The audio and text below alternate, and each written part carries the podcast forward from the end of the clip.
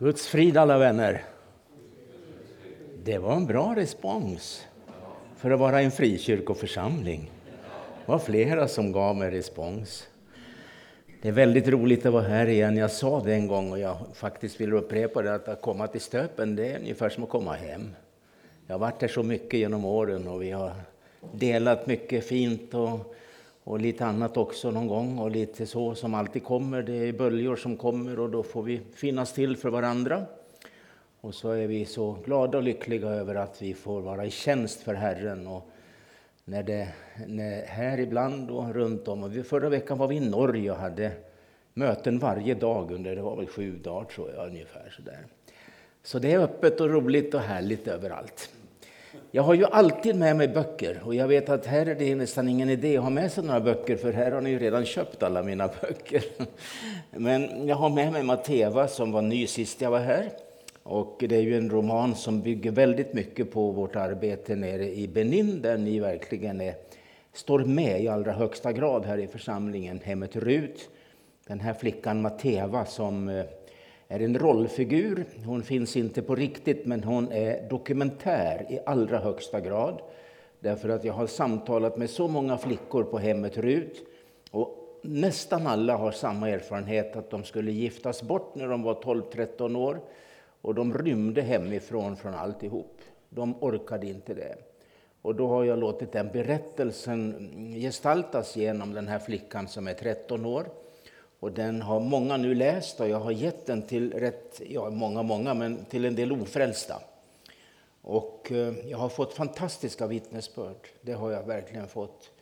Jag lämnar in bilen på service och då är det en sån trevlig kvinna som sitter där och tar emot. Hon sa, vill du ha en bok? Ja, hon ville gärna ha en bok. Och nu fick jag ett brev från henne häromdagen där hon tackade. Hon sa, det var en märkvärdig bok som det kändes som att jag var i Afrika och var med om allt det där. Så, så bra var det skrivet. Så nu får jag ju förmedla hennes berömmelse av boken lite till er. I alla fall så en annan kvinna hon ringde och så sa hon hon är helt ofrälst, hon går aldrig i kyrkan och har ingen tro. Och jag kände henne inte alls, jag bara mötte henne i ett vardagssammanhang och frågade om, om hon ville ha en bok. Ja, det ville hon. Så ringer hon och säger, den där boken jag fick av den, den läste jag, sa hon. Och jag kunde inte släppa den, så jag läste ut hela boken på natten. Och jag grät mig igenom boken och sen lät, lät hon som en gammal pingstsyster, en sån här salig typ, vet ni. Jag blev djupt gripen av din bok. Jag tror inte ofrälsta säger så direkt, men hon gjorde det, så hon var väldigt tagen av det. Så jag har funnit att den här boken kan lämpa sig bra också som evangelisation, för den är inte en aggressiv eh, evangelisation som liksom sådär hugger, utan, utan här identifierar sig läsaren med den här flickan, hur hon är i olika nödsituationer och mycket problem som ju människor kan ha också i Sverige. Och så hur man, hur man också identifierar sig med hennes eh, väg som Gud ledde henne till Jesus och till upprättelse och till hemmet Rut som vi tillsammans får ansvara för. Jag har också nämnt, tror jag, någon gång, jag har några andra böcker, ni får titta på det där nere, eh, om Nils Ibstedt. Och han har skänkt ett antal böcker. Han skriver inga mer böcker nu för han är gammal. Men eh, han har skrivit det här, det här förstår ni, Uppenbarelseboken, det är en bibelskola faktiskt. Det är inget man läser igenom på en stund, utan det här, det här eh, skulle jag säga tar tid om man vill göra den rättvisa. Och han har varit missionär i Japan hela sitt vuxna liv. Och eh, eh, Ibstedt har alltså undervisat, han har varit bibellärarmissionär. Han har undervisat i bibelskolor och mm, seminarier av alla slag. Och hans huvudämne har varit Uppenbarelseboken och, och eskatologi som är läran om den yttersta tiden. Och så har han satt sig då som pensionär när han kom till Sverige som pensionär för ett antal år sedan och översätta hela detta stora arbete så vi fick det på svenska. Och det är den här tjocka boken och den kostar här 150 kronor. Eh, det är eh, ungefär halva priset av vad den kostade när den kom ut. Mm, och då är det så att han säger att jag är så tacksam och så intresserad av vad ni gör för flickorna i hemmet Rut, så det här blir mitt bidrag. Och han har skänkt flera hundra böcker. Visst är det fantastiskt? Och så bara sälj dem och när ni swishar in det på kontot där nere, då går det till det. missionsändamålet. Och det gör det med alla böcker som swishas in eller om du hellre vill ha ett inbetalningskort. Nu slutar vi att tala om böckerna. Nu ska vi ta fram böckernas bok. Det är Bibeln.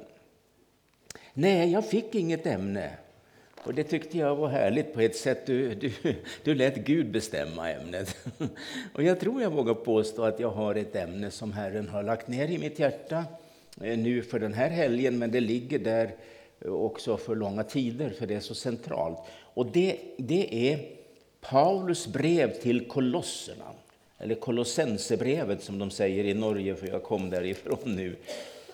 Kolosserbrevet. Och vi ska slå upp det lilla brevet i vårt Nya testamente. Och då ser ni alla där när ni hittar det, för det har ni säkert gjort nu, att det är ett ganska kort brev. Det är bara och endast fyra kapitel. Det finns ju andra bibelböcker som är betydligt större till sin volym. Men samtidigt som jag säger att det är ett kort och koncentrerat brev så är det ett eh, Mm, mycket stort brev till sitt innehåll. Det är kristocentriskt i allra högsta grad. Det är Jesus som presenteras här. Eh, och när man läser noga så ska du finna att det är tre saker som man kan säga allmänt. Att Jesus är den främste. Jesus är den högste. Och Jesus är också nummer ett i alla lägen. Han är aldrig nummer två. Han är den främste, den högste och han är nummer ett. Den här församlingen, nu ska jag bara säga lite inledande ord innan vi läser. Församlingen i Kolosse bestod av både judar och hedningar som alla hade blivit frälsta, omvända, födda på nytt. Alla hade blivit döpta i vatten och de levde ett starkt församlingsliv i den här församlingen. Så gick det en tid. Jag vet inte hur lång tid, och det vet kanske ingen. Men det var inte väldigt många år, det kunde det inte ha varit. Men det gick en tid då judarna, som nu var frälsta och omvända, absolut, de började grubbla över, men vår gamla religion, vad gör vi av den då? Vi är ju judar och vi har ju lagen och vi har ju löften och vi har ju allt det som Mose gav oss och vi har Abraham till fader och så börjar de tänka. Så det kan inte vara fel att vi också tar upp vår judiska tradition samtidigt som vi har Jesus. Och hedningarna kom ungefär i samma frestelse. Nu hade de Jesus och det var fantastiskt. De var glada över det, så de hade inte tröttnat på Jesus, men de tänkte vi är ju uppvuxna i hedniska miljöer och vi har fäderneärvda människomeningar som Paulus skriver om här. Och vi har ängladyrkan och vi har eh, okultism och vi har mycket, mycket, mycket. Och vi kan väl ha både Jesus och allt det där. Det är ungefär som att de litade inte på hängslena, de skulle ha livrem också för att byxorna skulle sitta uppe. Och de där, de där tankarna det kom och det blev så starkt så att Epafras, som omnämns två gånger i det här lilla brevet, Eh, han var nog, tror jag i alla fall, men det står inte tydligt, men jag tror att han var pastor i församlingen.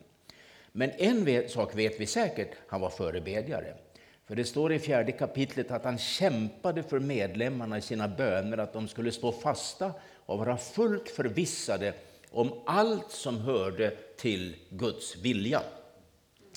Och den här Epafras, vi vet ingenting om hans bakgrund eller någonting, men det finns anledning att tro att han kunde ha varit en av lärjungarna i den tvååriga bibelskolan som Paulus hade i Efesus. Det kan vi läsa om i Apostlagärningarnas 19 kapitel, om den stora väckelsen som kom till staden Efesus. Den skakade om hela staden. Massor blev frälsta, onda andar fick ge vika och helbrägdagörelse under och det skedde väldigt mycket underbart. Och i den staden kom det att bli en bibelskola med Paulus som lärare. Och då står det att hela provinsen Asien hörde evangeliet genom det som skedde där. Och då kan man väl tro att alla människor, då var det massor med tusen alltså, skulle kommit till Tyrannus lärosal som knappast var större än er kyrka, förmodligen mindre. Men det vet vi inte heller säkert. Men i alla fall, alla de var inte där i salen. Men det fungerade på det sättet att de elever som var där, de blev andedöpta och andefyllda och gripna. Så när de lämnade skolan för ett lov eller hade gått där alla två åren så gick de ut i hela provinsen Asien därifrån de kom till olika städer och byar och började vittna om det de hade hört Paulus undervisa om under två år. Och kanske att Epafras var en av dem. I så fall kom han till sin hemstad, för han var härifrån, det framgår tydligt. Eh, och så talade han, predikade och vittnade och så blev folk frälsta och så blev det den här församlingen. Jag tror att det kunde varit så.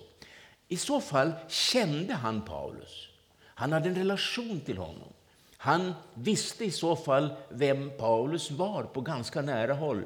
För har man, har man haft relationen lärare och elev intensivt under två år, då lär man känna varandra. Jag har ju själv varit lärare i bibelskolor, i Brommaskolan var jag lärare i alla mina år i Stockholm. Och under den tiden visste jag vem alla unga pastorer i hela pingstväckelsen var, för de gick ju där de flesta. Det, det uppstår något speciellt förstår du, mellan lärare och elev av en ömsesidig respekt och kärlek och, och kamratskap också eh, och, och, och vänskap. Så han åkte helt enkelt till fängelset, eller var han möjligen en medfånge? Vi kan lämna den saken. Eh, det finns kanske skäl att, kunna tro både och. Men i alla fall, han var i fängelse tillsammans med Paulus och då berättade han för Paulus om hela situationen i Kolosse och de problem de hade där. Och då står det i första kapitlets sjunde vers följande. Och då har han berättat en massa bra saker här i de allra första sex verserna om församlingen, för det var inte bara problem, det var mycket som var positivt också. Det här har ni fått lära er av Epafras, vår käre medarbetare som troget tjänar Kristus i vårt ställe. Han har berättat för oss om er kärlek i anden och så vidare. och Så vidare. Och så vidare. Så där, där sitter han i fängelset och berättar om kärleken som var i församlingen, om, om nådegåvor som fanns där och väldigt mycket positivt. Men sen kommer det också det som var problemet. Och då kommer vi till andra kapitlets åttonde vers. Då står det så här. Se till att ingen rövar bort er med sin tomma och bedrägliga filosofi byggd på mänskliga traditioner och stadgar och inte på Kristus. Ty i honom bor gudomens hela fullhet i kroppslig gestalt och i honom är ni uppfyllda, han som är huvudet över alla makter och väldigheter. Så här har vi problemet att det fanns de i den här församlingen, det fanns andemakter här, det fanns förhållanden som ville röva bort de här ganska så nyfrälsta människorna från det de hade upplevt med Jesus. Och istället skulle de tas till tomma, om bedrägliga filosofier som är byggda på mänskliga traditioner och stadgar och de är inte byggda på Kristus. Märker ni vänner att det som hände här, det händer idag? Samma sak. New Age-rörelsen som inte är en sammanhållen rörelse utan det är massor med olika influenser åt alla håll med olika innehåll. Men de har det gemensamt att de rövar bort människor från den uppriktiga tron på Jesus. Och de som inte har någon tro på Jesus och anammar detta, de kommer in i en antiställning mot Jesus därför att de menar att de har hittat det som är istället för Jesus. Eller till och med påstår en del att det är Jesus de hittar där. I så fall är det en falsk Jesus. Och i församlingar över världen nu, jag reser ju mycket fortfarande och har rest ändå mer runt om globalt. Och jag har kontakter och jag vet att i många församlingar idag, pingstkyrkor och andra evangeliska församlingar, så brottas man mycket med den här typen av problem. Att det kommer in villolärare och de predikar galet. Och det, eftersom, eftersom många församlingar inte är som Stöpen, för här har ni bibelstudium varje söndagkväll. Och när jag såg det på hemsidan då tänkte jag, prisat vare Herren att det finns ett bra exempel i Sverige som har det varje söndag. Ja, men det är säkert, jag säger, det är säkert. Där har vi bibel, en av bibellärarna i alla fall. Han sa amen, det gjorde han rätt i.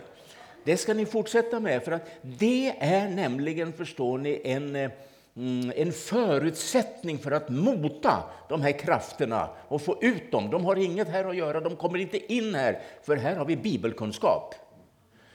En, en kvinna ringde mig, det ni vet, kanske några månader sedan, jag minns inte när det var, jag känner henne inte, har aldrig träffat henne vad jag vet.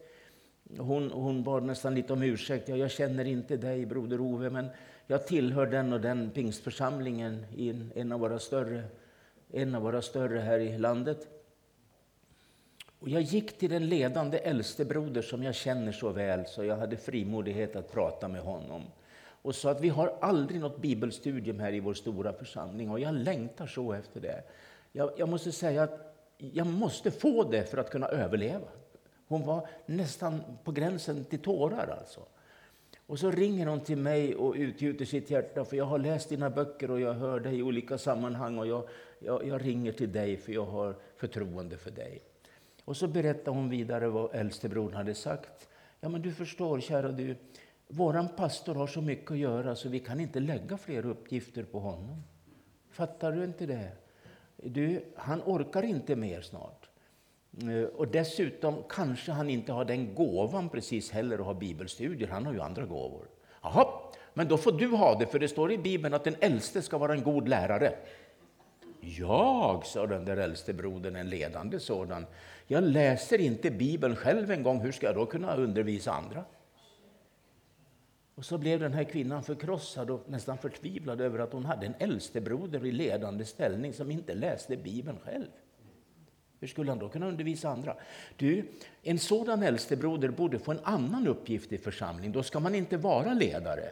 Då ska man inte vara i spetsen för en Guds församling. För där ska man vara en god lärare, vilket betyder att du ska själv veta vad det står i Bibeln och du ska kunna förmana utifrån Bibeln, du ska kunna uppmuntra utifrån Bibeln och du ska kunna ägna själavård utifrån bibliska texter. Och om en ledare inte bryr sig om den bibeln, då kan man inte ha den tjänsten. Det är helt omöjligt. Och då blir det också ett vakuum i församlingen. Och när det då kommer någon in där och vittnar om något annat, och det behöver inte vara från plattformen, det kan vara i en bönegrupp eller bland vänner, de kommer in där och så sprider det sig. Då har man inget att sätta emot, utan då, då, då kommer fienden in och slår byte. Som det står här, mm, eh, som det står här som jag läste i vers 8 i kapitel 2. Se till att ingen rövar bort er. Sen fortsätter han med detta i den artonde versen, lite med samma tema. Låt er inte fråndömas segerkransen av någon som ger sig hän åt ödmjukhet och går upp i sina syner av änglars tillbedjan och som utan orsak är uppblåst i sitt kötsliga sinne och inte håller sig till honom som är huvudet. Från honom får hela kroppen den tillväxt som Gud ger, stödd och sammanhållen som den är av sina leder och senor. Så här är det lite samma tema. Först var det att någon vill röva bort dem och här är det att ta segerkransen ifrån dem. Eh, ni känner väl till att dagens undervisare och bibelstudieledare här i Stöpen har själv i egen hög person åkt Vasaloppet. Det kanske ni inte visste. Det kanske ni inte trodde heller att han kunde göra det. Men det har jag faktiskt gjort och jag har på väggen ett intyg på att jag har gjort det med stämpel och allting. Men jag fick ingen segerkrans. Det är bara den som kommer först i mål och det gjorde inte jag. Jag kom inte först i mål. Men här finns ett löp, eller ett lopp, då inte bara den första får segerkransen, utan vi får det alla. Visst är det väl härligt?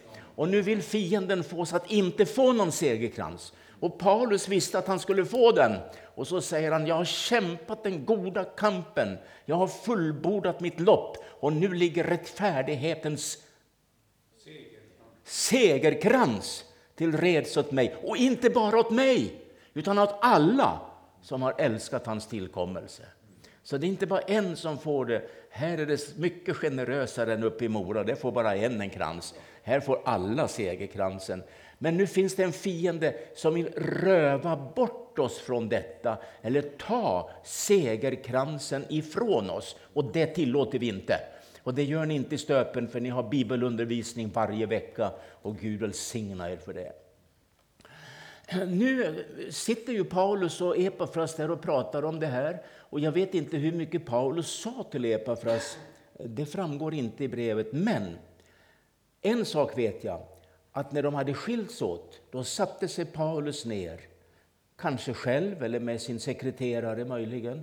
Och så fick han från Gud det som skulle skrivas ner som ett apostoliskt budskap till den församlingen i den speciella situation som de befann sig i. Och då fick vi Kolosserbrevet. Halleluja. Och det, den, det åtgärdsprogram som man ger det är inte, har inget med kyrklig arkitektur att göra. Mm, eh, på ett ställe mm, jag predikade där hade de såna här fina bänkar som ni har och där sa de nu ska vi riva bort alla bänkar och sätta in stolar istället. Då får vi väl framgång i alla fall. Vad tokigheter en del håller på med. Va? Väckelsefrågan sitter väl inte i hur du ska sitta på en stol eller en bänk. En annan sa att vi ska sätta upp ett, ett, ett, svart skynke här framme så de slipper se korset. Då kanske det kan hända något, för det är så utmanande för många. Alltså jag fattar inte hur tokigt en del kan resonera. Utan här visar aposteln Paulus istället på ett åtgärdsprogram för att komma till rätta med villfarelsen och få medlemmarna på rätt kurs igen. Och det är budskapet om Jesus. Och därför är hela det här brevet ett Kristusbrev. Allt i Kristus har en del satt som rubrik. Kristus i centrum har andra satt när jag läser böcker om det och, och, och liknande eh, teman. Och sedan när han börjar här i det första kapitlet så kan ni titta på den trettonde versen. Ska vi läsa där i Jesu namn några versar. Han, står det, det är Jesus. Han, Jesus, har frälst oss från mörkrets välde och fört oss in i sin älskade Sons rike. Alltså Gud som har frälst oss genom Jesus, så ska det förstås. I honom är vi friköpta och har fått förlåtelse för våra synder. Han är den osynlige Gudens avbild, förstfödd före allt skapat. Ty i honom, Jesus, skapades allt i himlen och på jorden, det synliga och det osynliga, tronförstar och herradömen, makter och väldigheter, allt är skapat genom honom och till honom. Han, Jesus, är till före allting och allt består genom honom. Han är huvudet för sin kropp, församlingen. Han är begynnelsen, den förstfödde från de döda, för att han i allt skulle vara den främste. Amen. När nu Paulus skulle ta itu med de här problemen som fanns här så går han så långt tillbaka i historien som det överhuvud är möjligt till skapelsen. Och så använder han i 16 versen tre prepositioner för att beskriva Kristi ställning i skapelsen. Jag läste det precis nu. Ty i Kristus, det är det första, skapades allt. Genom Kristus skapades allt. Till Kristus skapades allt. Här har vi Guds gärning genom sin son Jesus Kristus. I, genom och till.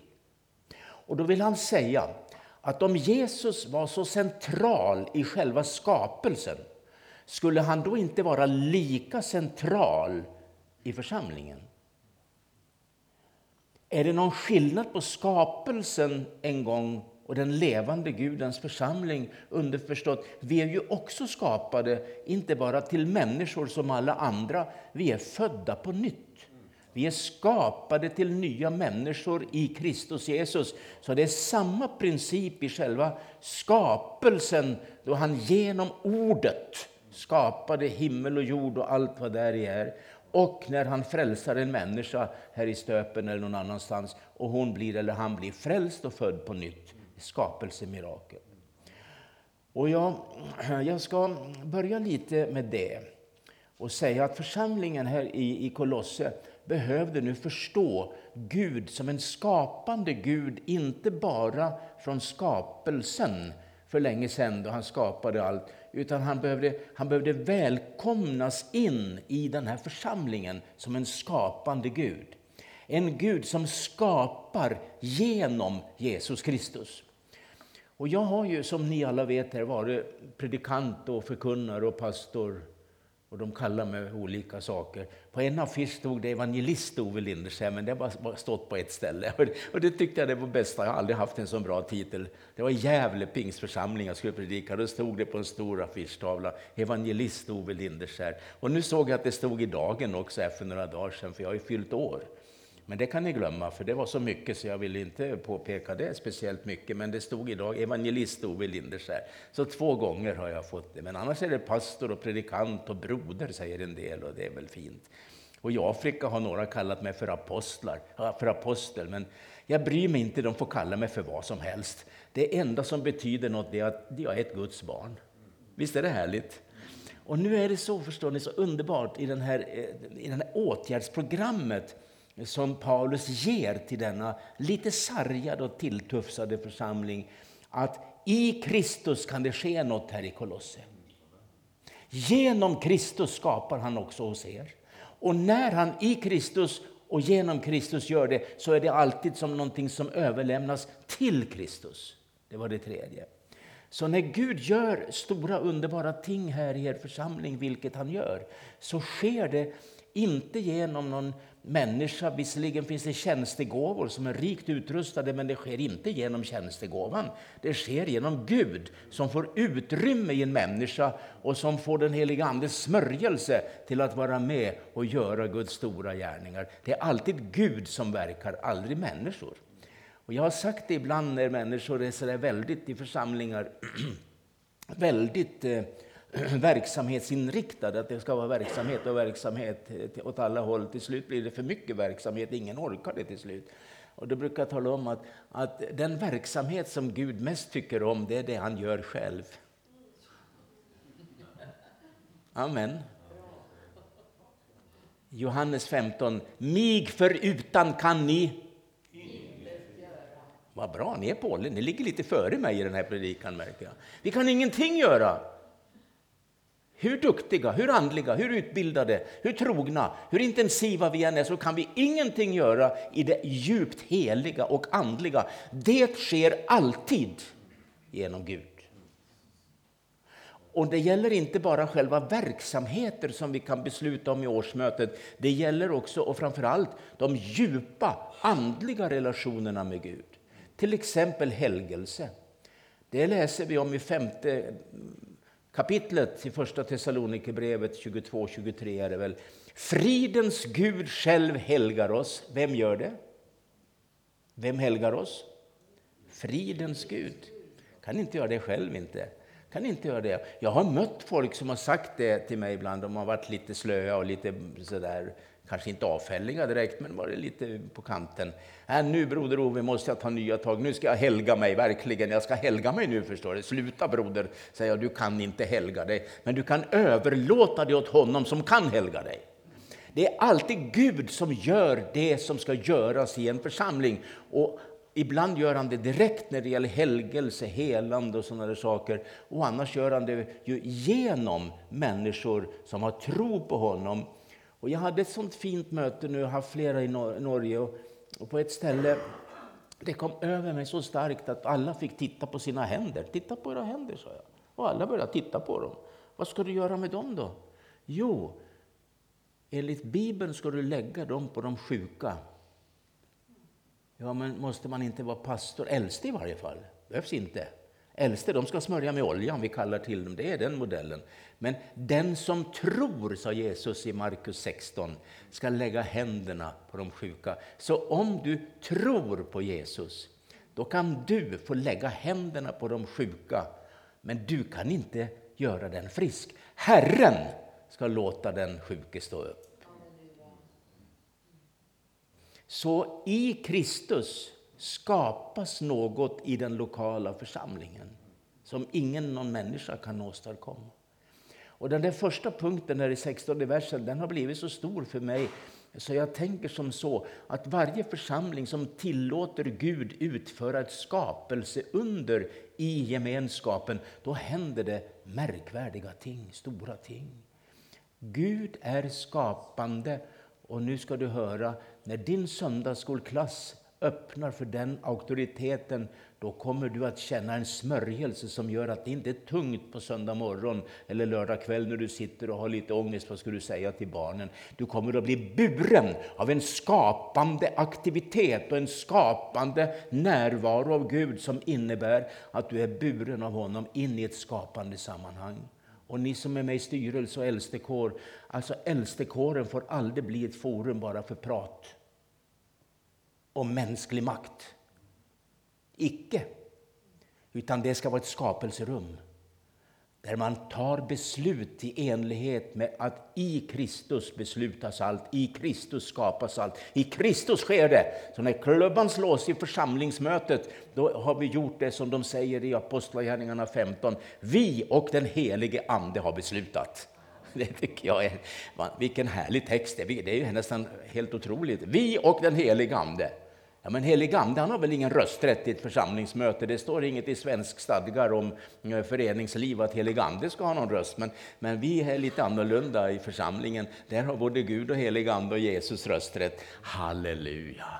Och du vet att när det sker så fantastiskt att, att eh, våra sammanhang blir skapande möten, skapelserum, då lyfter det. Och tänk när den kristna familjen blir ett skapelserum pappa, mamma och barnen.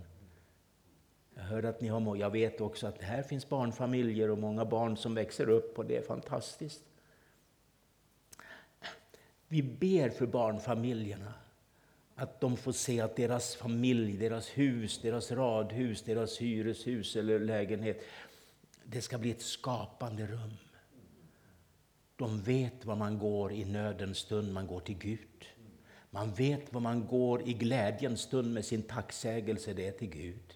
Eh, det blir ett kitt som förenar familjen i riktning mot det skapande rummet. Och det får barnen med sig och de blir stämplade och märkta för livet. I Kristus skapas allt. Och det andra, genom Kristus. Du vet, en, eh, jag är ingen hantverkare och har aldrig varit... Jag har väl hållit i någon hammare någon gång. Det har jag gjort. Och någon såg.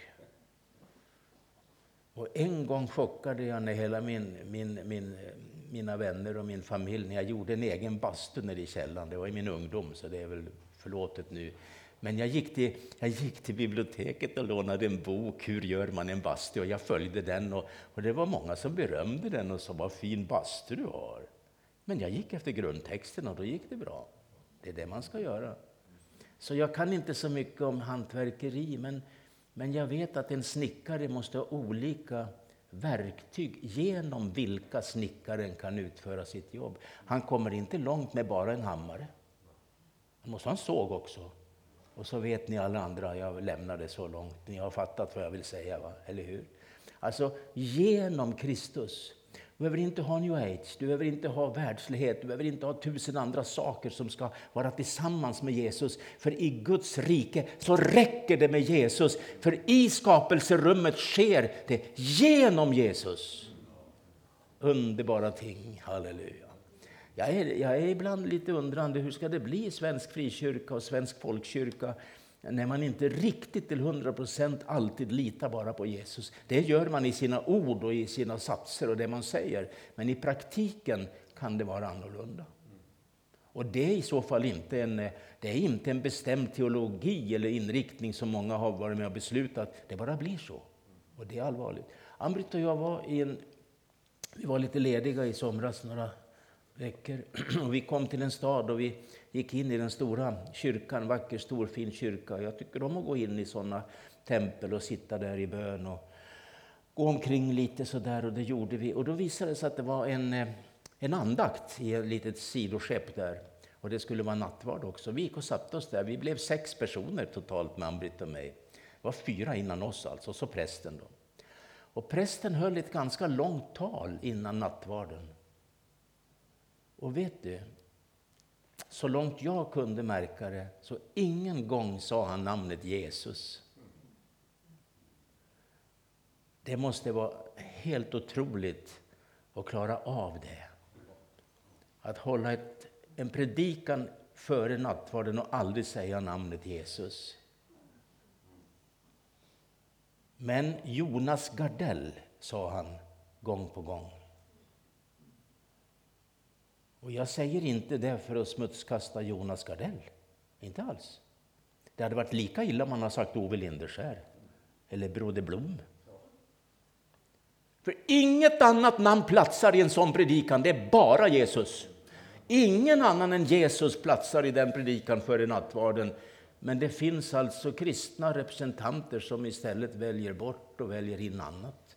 Och hur medvetet det var för honom, det kan inte jag svara på. Men jag satt där och lyssnade och jag kände inte mig hemma riktigt där.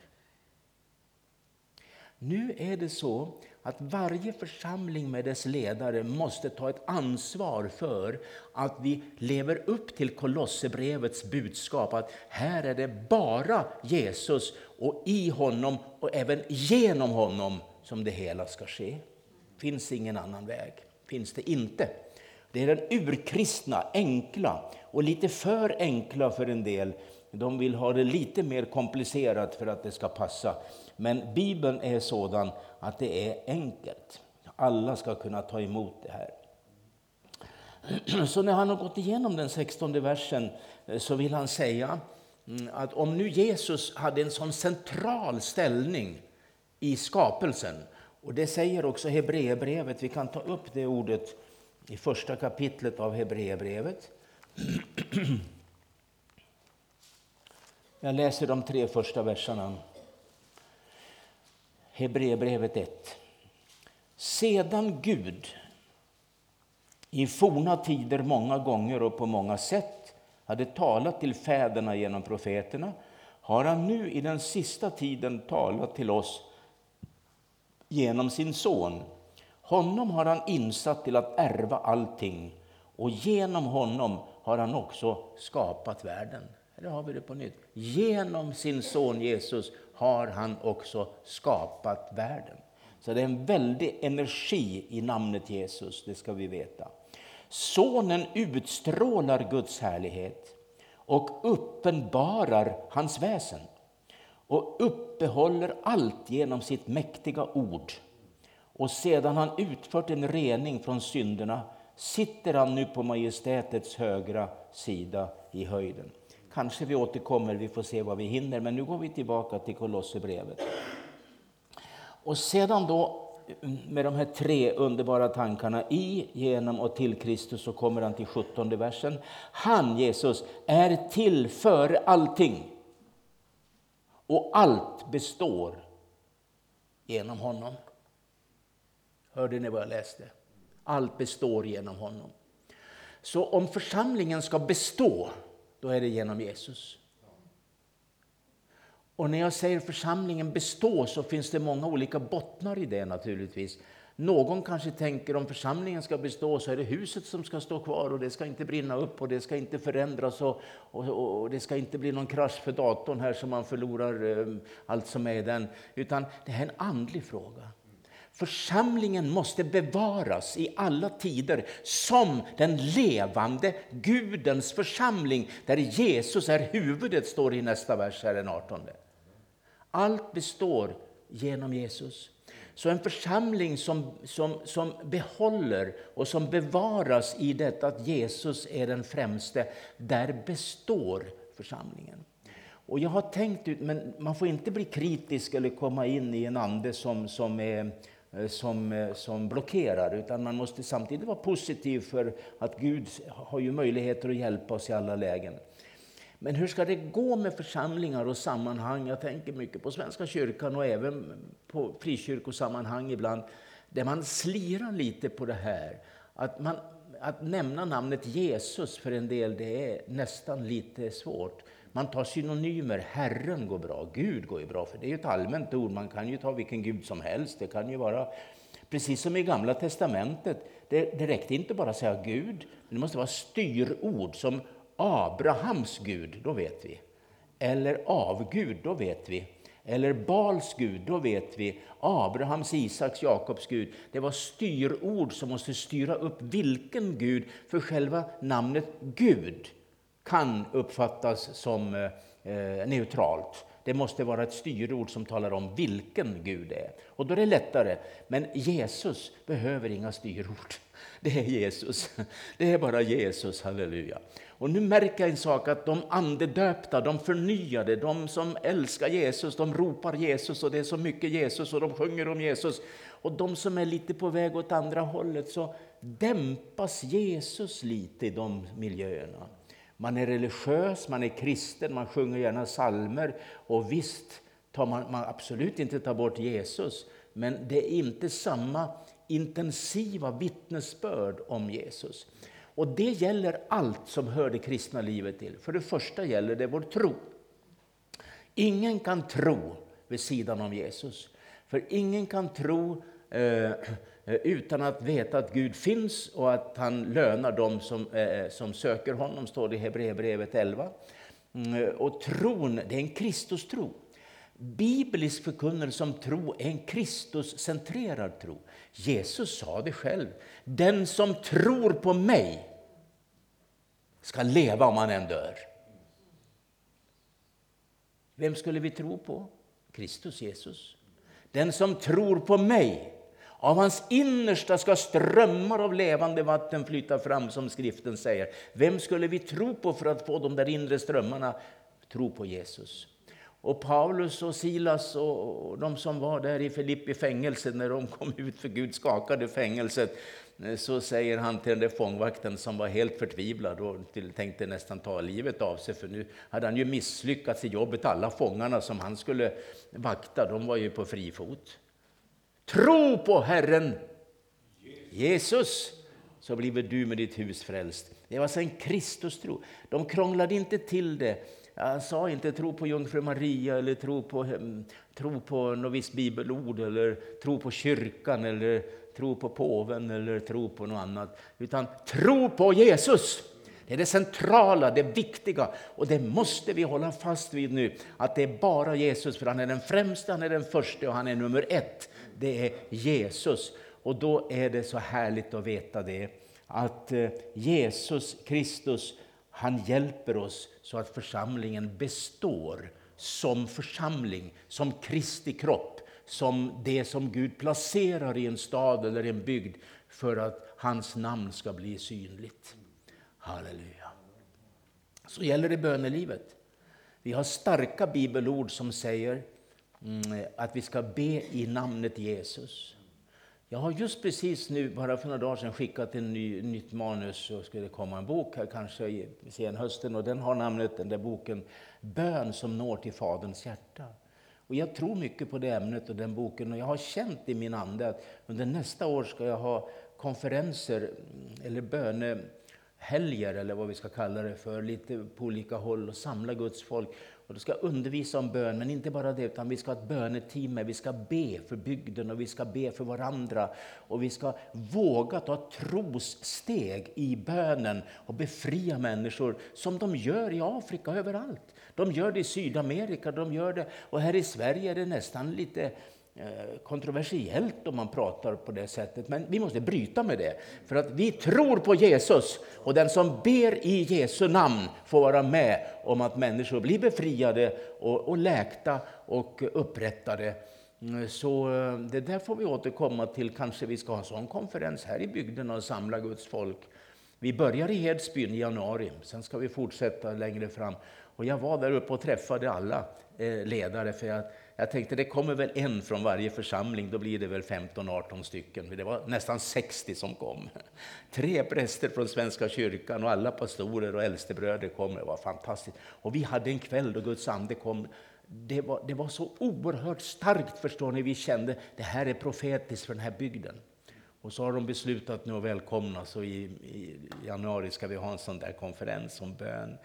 Och jag, jag har aldrig haft sådana konferenser förut, men nu är jag så pass mogen så nu kan jag ju våga gå i tro lite, eller vad säger ni? Va? Är man 75 nu så kan man ju börja verka lite på allvar.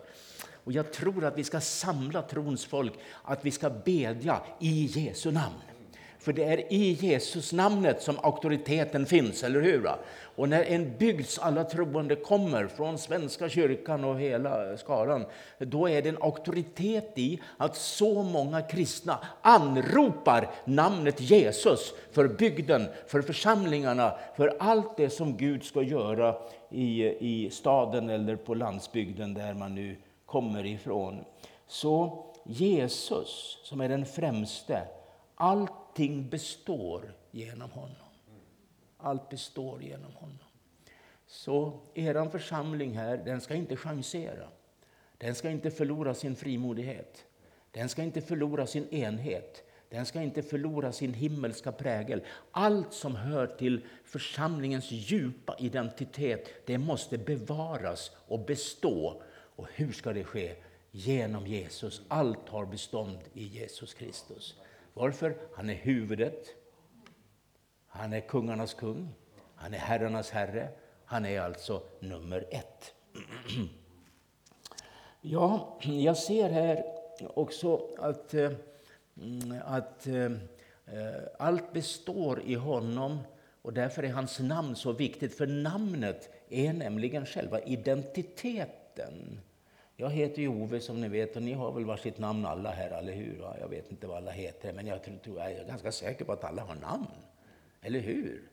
Och när man ropar eh, mitt namn, Ove, i någon folksamling, då reagerar jag direkt. Jag behöver inte tänka. Jag behöver inte, jag behöver inte ha, ha betänketid en timme. Utan, oh, det var någon som ropade på mig. Vem är det som känner mig här? Vem var det? Och så sa jag det där i ett möte när jag predikade på ett ställe. Och så är det med Gud. Så fort vi ropar hans namn, då berör hans hjärta. Så kom min fru efter mötet och så sa hon, Ove, och du vet när den där tonen kommer, då tänker jag nu är det något som ska förmanas. Du predikade lite fel ikväll, sa hon. Nej men oj, vad har jag då sagt? Du sa att du alltid reagerar på ditt namn. Men det gör du inte. Jag kan ropa många gånger utan att du hör någonting. Ja, då handlar det väl om dammsugning eller något liknande. Men eh, jag tror att hon har lite rätt. Man går i sina förberedelser och man kanske inte alltid hör som man borde göra. Men Gud, lita på Gud. När du ber i namnet Jesus, då är det klockrent. Och Gud har aldrig så mycket att göra så att han inte hör en människa från stöpen som ropar namnet Jesus. Han hör dig och han reagerar på det och det sker någonting. För namnet Jesus är själva auktoriteten som sätter Gud Fader och hans son Jesus Kristus och den helige Ande i rörelse. Och om de vill ge budet till änglarna, det gör inte vi, men det gör Gud i så fall, så skickar han änglar som hjälper oss i olika sammanhang. Visst är det väl härligt? Säg amen, säg något i alla fall. Du vet att det är Gud som genom Jesus bevarar församlingen till ett böneliv som inte blir tungt och jobbigt och ingen orkar gå på några bönemöten till slut. Jag glömmer aldrig när i Huskvarna där jag var pastor i min ungdom. Det var min första föreståndartjänst. Och jag var 28 år när jag kom dit. Jag var ung, väldigt ung. Det var en stor församling och det var ju en väldig sak att få komma och, och, och, och få pröva sina vingar. Och det var en härlig församling och det var ett stort antal pensionerade pastorer som blev mina kompisar. Jag var 28 och de var ju nära på 100 tyckte jag, men de var väl inte fullt så gamla kanske. Men i alla fall, de stöttade mig och de, de tog hand om mig. Det var fint, mycket fint. Och så hade jag bönemöten på en, en, en bra lång period, speciella bönemöten. Så kom en av ungdomarna, en tonårspojke och sa sa till sin mamma, och mamman berättade, du jag missar inte ett bönemöte längre för nu är det ju jättekul att gå på bönemöten. Han hade en gammal broder sagt, och han sagt att det är så underbart att gå på bönemöten, men är man tonåring är det kul att gå på bönemöten. För att nu får man ju något med sig. Det är ju spännande, det sker olika saker hela tiden. Du ser att när Jesus Kristus blir centrum i bönemötet och hans namn förlöser en auktoritet över bönen, då kommer både unga och äldre att känna att vi måste vara med, vi kan inte missa någonting där, för där, där är det Jesus som är den främste. Och du vet att jag ska ta ett exempel till, sen ska vi väl ha en rast, och det är Seinäjoki i Finland. Jag har ju varit väldigt mycket i Finland och min tolk säger att jag har varit på mer än hundra ställen. och han är ju tolk så han sköter ju om det där så han vet väl. Men det, det är så. Och så kom vi, eh, kom vi till en, en, en, en kampanj i staden Seinajoki. Det ligger i Vasa. Om du kommer till Vasa sen är det kanske en timmes bilkörning. Mm, eh, rätt in i landet, lite söderut, sydost. Och jag kom dit och jag började predika. Jag såg att det var en väldigt kyrkan var väldigt sliten. Jag såg det direkt och tänkte här behöver de ju måla lite i alla fall, fixa till. Men det blev ju hemmablinda så de kanske inte såg det själva. Och så började jag predika, var härliga möten, fina möten. Och efter ett par kvällar eller vad det var, så fick jag mitt under predikan en sån profetisk ande så jag började tala ut det som Gud bara gav. Och jag kan inte minnas allt vad jag sa, men jag sa att här har vi en underbar församling, men ni är delade. Hälften av er vill bygga en ny kyrka eller reparera och göra något och hälften av er tycker att den här duger gott som den är. Hälften av er vill söka Gud för väckelse och framgång och ni är beredda att betala ett pris för det och hälften av er tycker att det är bra som det är. Så vände jag mig till pastorn Kaljunpää som satt här framme bredvid mig en bit där jag stod och predikade. Och han är därifrån. Han var en känd ishockeyspelare i, när han var ung där i Seinäjoki. Sen blev han frälst och blev predikant och var på massa ställen. Och nu har han kommit tillbaka till sin hemstad. Och jag sa till honom, när Gud kallade dig hit broder, då hade du en vision för den här staden. Du hade en dröm, underförstått, som du nu håller på att förlora. För hela din tid och din kraft och ditt engagemang har blivit går åt för diplomati för att hålla samman den här församlingen. Jag sa det så alla hörde det. Men om du ikväll bestämmer dig för att gå med Gud då kommer hela den här församlingen att följa dig in i en fantastisk tid. Då kom han fram och avbröt mig och bara ropade be för mig. Och jag bad en enkel bön och han föll till golvet och där låg han hela min predikan och resten av hela mötet. Och jag säger inte att det är allra bästa att predikanter ska ligga på golvet sådär, men det är ingen, inget, jag tycker det är bättre att de sitter och tjänar, men den där gången behövde han ligga där, för nu hade han fått ett möte med Gud som skulle lära honom förstå att Kristus är den främste i den ledande pastorstjänsten. Och han behöver inte vara diplomat och hålla på med det. Utan om han följer Jesus så följer folket herden. Och han gjorde det. Han gjorde det. Så ringer han till min tolk en annan gång, kanske flera år efteråt, jag minns inte precis hur lång tid. Jag var i en annan stad. Kan inte du ta med dig Ove och komma hit imorgon, ska bjuda på mat, vi ska äta på en restaurang för jag vill prata med honom. Och vi åkte dit. Och vi satt och åt mat och han berättade, kommer du ihåg vad du sa när du var här i vår kyrka? Jag kommer ihåg alltihop, sa jag. Absolut. Du, nu har vi gjort allt vad du profeterade om. Och vet du en sak? Efter dig kom en annan predikant hit och sa nästan exakt samma sak. Och då tänkte jag, nu lyder jag Gud. Så säger Karl till mig. Och nu har vi byggt den där stora kyrkan. Och jag hade sagt att den kyrka ni ska bygga, hade jag sagt, det kommer att bli ett, ett karismatiskt centrum för stora delar av Finland. Folk kommer att åka hit, inte för att se på själva huset, men för att lära sig bedja och lära hur väckelsen i det här landet kan gå till. Så berättade han, det största mötet vi har i veckan, det är bönemötet på onsdagskvällen, då är det fullsatt. Och kyrkan tar tusen människor. Och församlingen jag besökte då, den var på 400, kanske lite drygt. Hälften var för och hälften var emot. Så berättade han, nu har vi precis passerat tusenstrecket och ingen är emot. Vi är alla med på noterna nu. När Jesus får vara den absolut mest centrala i allt vad vi håller på med, då bevarar vi drömmen. Då bevarar vi visionen som den pastorn höll på att förlora i sitt sätt att leda församlingen bara som en diplomat för att hålla det lugnt. Men när han började överlåta sig åt Jesus, då blev det annat. Och så sa han, nu har jag kallat hit dig till den här måltiden för jag vill prata med dig. Du ska komma till ett bönemöte en onsdag kväll så fort du kan. När du är i Finland någonstans så kom en dag innan och så ska du vara med på vårt bönemöte. Och så vill jag att du kommer till nästa sommar för då har vi en stor kampanj. Och när jag gick med Gud, förstår du då, och samlade folket, då sa Gud så här. Du ska ha en stor kampanj varje sommar.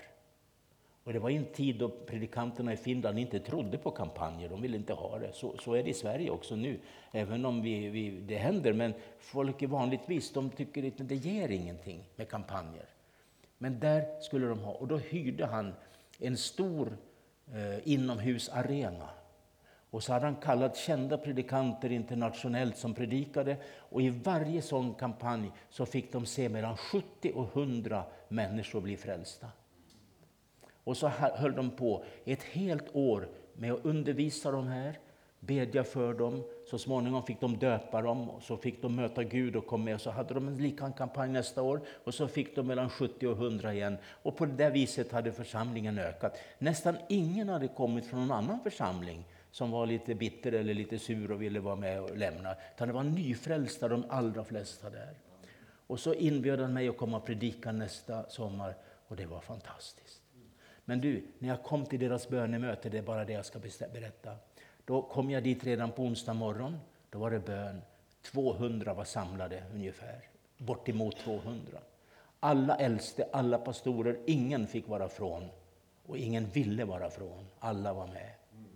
Alla hade kunnat sagt vi har så mycket att göra, vi kan inte gå dit. Men man prioriterade, man bestämde sig för Jesus är nummer ett här. Och då går vi på bönemöten. Och så kom, hämtade de mig på mitt hotell och tog mig till kvällsmötet. Och jag kom i ganska god tid. Jag kom upp på podiet och såg att hela läktaren var fullsatt och här nere var helt fullt. Då drog de bort en vikvägg som de hade på den sidan så.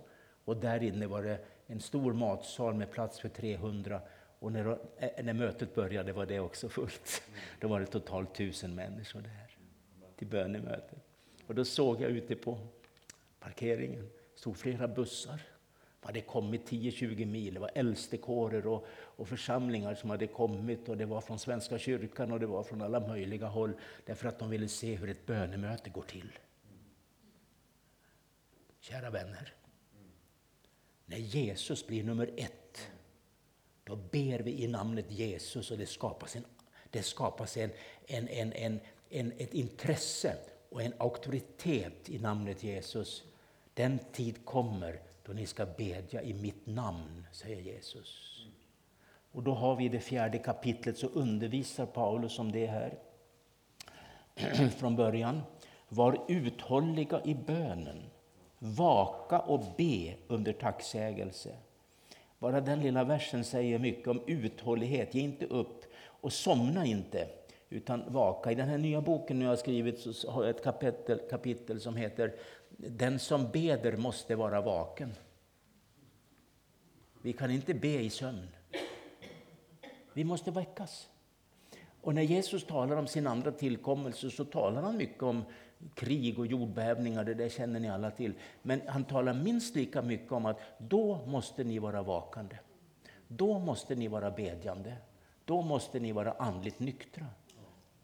Så hela det temat präglar eskatologin som är läran om den yttersta tiden. Och här säger Paulus att vi måste vaka under och be under tacksägelse. Och jag bara känner att tänk om tiden kan få vara inne nu i Sverige att eh, namnet Jesus inte bara blir en skylt som hänger på väggen och, och, och, att vi håller predikningar om Jesus och vi sjunger gamla kända sånger om Jesus. Utan vi förlöser auktoriteten av Jesus i förkunnelsen, för det står att vi ska predika Kristus. I bönen, för det står att vi ska bedja i namnet Jesus. I gemenskapen, för det är en koinonia om vi går till grundtexten, vilken betyder en djup, sann och äkta gemenskap bort bortom den vanligt sociala. För här är det namnet Jesus. För se hur de älskar varandra. Läggs det till. Halleluja. Det är så starkt det här. Och jag har kommit hit för att uppmuntra er nu. Jag bara känner att det här, jag har predikat om Kolosserbrevet för 20-30 år sedan. Jag höll på mycket. Men nu har det kommit tillbaka till mig starkt. Och det måste ni ta emot här. Ni ska inte tillåta några villfarelser eller någonting som ska splittra era själar och era hjärtan. Utan det är Jesus som ska bevara er. Prisat vare Herrens namn i förkunnelsen och i bönen och i själasorgen. Och nu säger vi amen, men min predikan är inte slut. Den fortsätter, vad var det, klockan sex var det. Tack käre Jesus för att det är så Ja, det är en stor förmån att stå här och tala till dessa vänner. Det är en stor gåva att jag får göra det. Välsigna var och en av dem och tack att det var så många som kom. Tack att du ska välsigna var och en och låta det här bli någonting som får gro i deras hjärtan och växa och, och, och frodas på det sättet att det blir kött och blod av det. Tack att du är den främste i våra liv och i våra församlingar och i våra familjer och i våra sammanhang. Tack, tack att vi får leva i det. I Jesu namn. Amen.